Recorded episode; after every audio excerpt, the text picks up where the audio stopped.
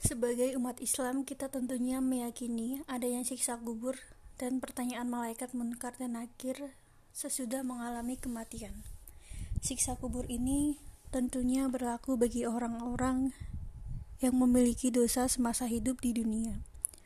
Bagaimanakah caranya agar kita terbebas dari fitnah kubur? Sebagai manusia biasa, tentunya kita pernah melakukan dosa dan kemungkinan besar kita akan disiksa di dalam kubur.